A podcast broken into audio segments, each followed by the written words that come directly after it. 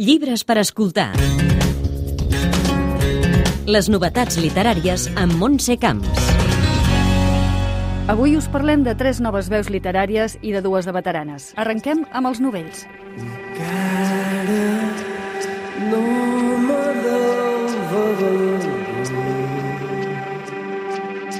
L'evocadora veu i música de Miquel Serra ens ajudarà a fer aquest viatge i justament comencem amb el mateix cantautor mallorquí perquè acaba de publicar el seu primer llibre de relats.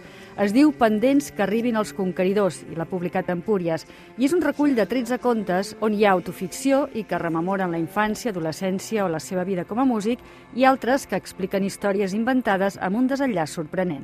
Tenen tots un punt d'humor negre, no? un, punt un humor un poc obscur. I això m'he donat compte posteriorment, no és que sigui una cosa cercada. I és que m'agrada enfrontar, veig que m'agrada enfrontar el que són els petits anels que tots tenim de fomentar un talent que puguem tenir o que voldríem tenir davant els poders que estan per damunt d'altres i en els que no hi tenim el més mínim control, sobretot la mort.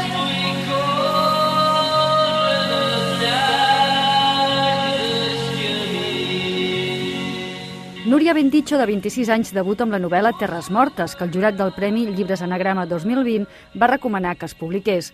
Una novel·la ambientada en un món rural i violent, un territori aïllat sense escapatòria on hi viu una família maleïda. Inspirada pel gòtic nord-americà i la novel·la rural catalana. El títol va ser un homenatge a Àngel Guimarà i la seva Terra Baixa, i, de fet, l'obra està inspirada en grans autors que han marcat la jove escriptora.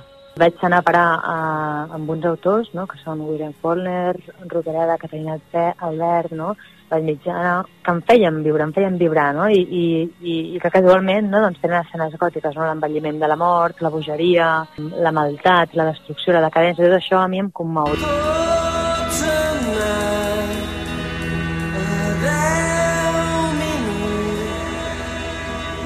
Gas va guanyar els seus 25 anys al Premi Mercè Rodoreda 2020 amb el recull de contes El Pèndol, que l'editorial Proa publica ara.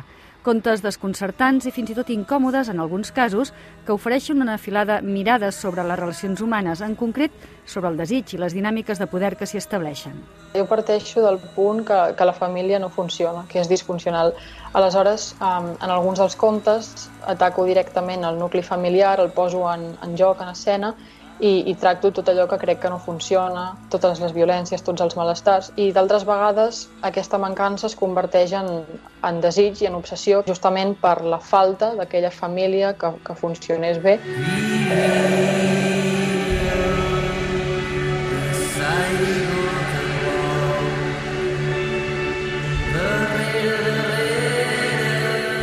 I ara anem a una veu veterana que publica una obra molt esperada. Parlem de Jordi Cussà, que presenta El primer emperador i la reina Lluna, publicada per Coma Negra.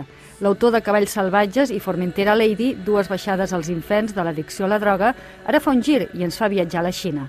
Es centra l'emperador xinès Qin Shi Huangdi, que va néixer el 259 abans de Cris i que va tenir un regnat marcat per dos objectius personals, reunir els set regnes de la Xina sota el seu mandat i establir un imperi i trobar la immortalitat.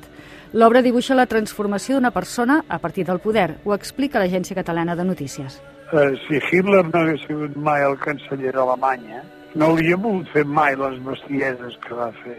El problema és que va arribar a la conselleria i jo crec que llavors aquest poder tan enorme va acabar de tornar boig. I aquest és un dels punts que a mi m'interessava, l'evolució o contraevolució d'un personatge imbuït per molt poder.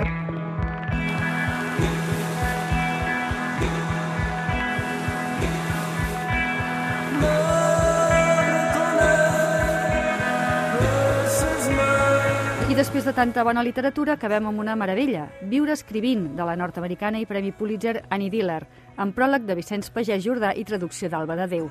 L'altre editorial publica aquest assaig sobre l'ofici d'escriure amb metàfores i pensaments on cada frase es converteix en una lliçó magistral. En recuperem només una i així acabem l'espai d'avui. La teva llibertat com a escriptor no és la llibertat d'expressar-se a doll i de manera descontrolada.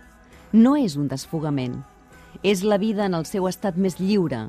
Si ets prou afortunat per provar-ho, perquè selecciones els teus materials, t'inventes la teva tasca i et marques el ritme tu mateix. En les democràcies, fins i tot, pots escriure i publicar tot el que et vingui de gust sobre qualsevol govern o institució. encara que es pugui demostrar que el que escrius és fals. Llibres per escoltar. Les novetats literàries amb Montse Camps.